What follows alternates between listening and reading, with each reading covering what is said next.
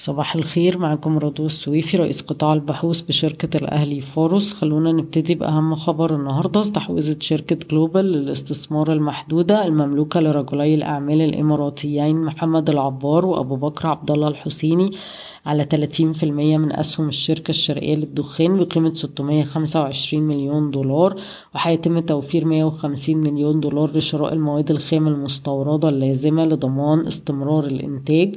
وده معناه إن سعر السهم متباع على تمانية وعشرين وتسعين تمانية جنيه وتسعين قرش ومضاعف ربحية عشر مرات لعام تلاتة وعشرين أربعة وعشرين وده أعلى من القيمة العادلة في المية وأعلى من سعر الإغلاق المية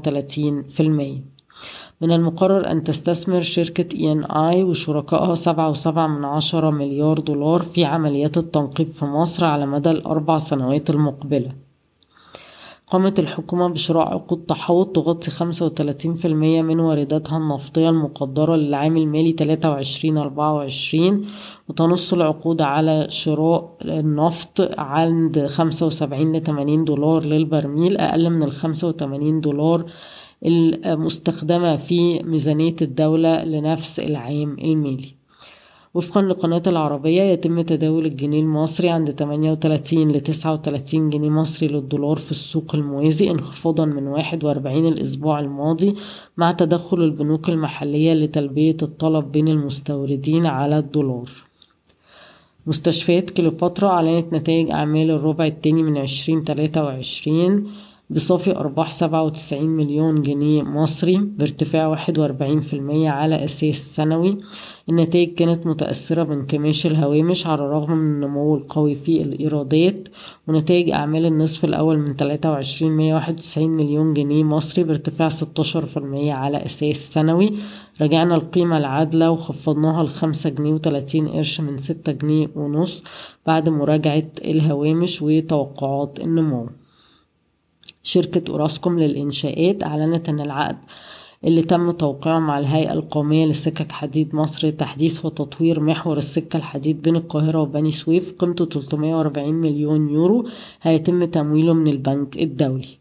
شركة مصر للألمنيوم أكدت في بيان إنها ليست من ضمن 14 شركة متهمة من هيئة المنافسة المصرية بسبب التلاعب في الأسعار في السوق المحلي. صندوق الاستثمارات العامة السعودي في طريقه للاستحواذ على اتنين من أكبر منتجي الصلب في المملكة العربية السعودية لإنشاء كيان وطني عملاق لإنتاج الصلب. مصر سمنت إنا هتوزع خمسة وسبعين قرش على حصتين آه، بعقد توزيعي تلاتة وتسعة من عشرة في المية. ماكرو أطلقت عشرين منتج جديد في السوق المحلي في النصف الأول من تلاتة وعشرين ولسه بتدرس فتح أسواق تصدير جديدة في المملكة العربية السعودية والإمارات. يتوقع رئيس غرفة صناعة الأدوية باتحاد الصناعات آه الإفراج عن مواد أولية ومستلزمات إنتاج بقيمة 120 ل 130 مليون دولار أمريكي لمنتجي الأدوية في شهر سبتمبر. مدينة مصر للإسكان والتعمير وقعت مذكرة تفاهم مع شركة أسيك أوتوميشن التابعة للقلعة لتطوير البنية التحتية وشبكة, الطرق لمشروع كافانا على أرض سراي باستثمارات 100 مليون جنيه.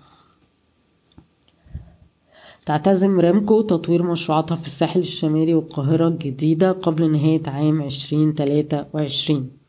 سريعا جدا خلونا نتكلم على أسعار السلع العالمية. البرنت عند تمانية وتمانين وستة من عشرة دولار للبرميل ارتفع قرب الخمسة في المية في أسبوع. الفرق بين الديزل وال heavy fuel oil نزل خمسة في المية في أسبوع لتلتمية اتنين وتسعين دولار للطن. اليوريا ثابتة عند ربعمية سبعة وستين دولار للطن. البولي إيثيلين ثابت عند ألف وسبعين دولار للطن. البولي بروبيلين لسه عند تسعمية وأربعين دولار للطن. الفرق بين أسعار الحديد وخام الحديد تلتمية تسعة وستين دولار للطن. الألمنيوم عند ألفين مية وتسعين دولار للطن طالع تلاتة ونص في المية.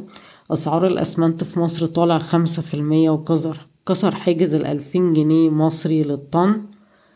الفحم الحراري عند مية ستة وخمسين دولار للطن آه، واللبن البودرة عند ألفين تلتمية تلاتة وتلاتين دولار للطن نازل خمسة في المية. بشكركم ويوم سعيد.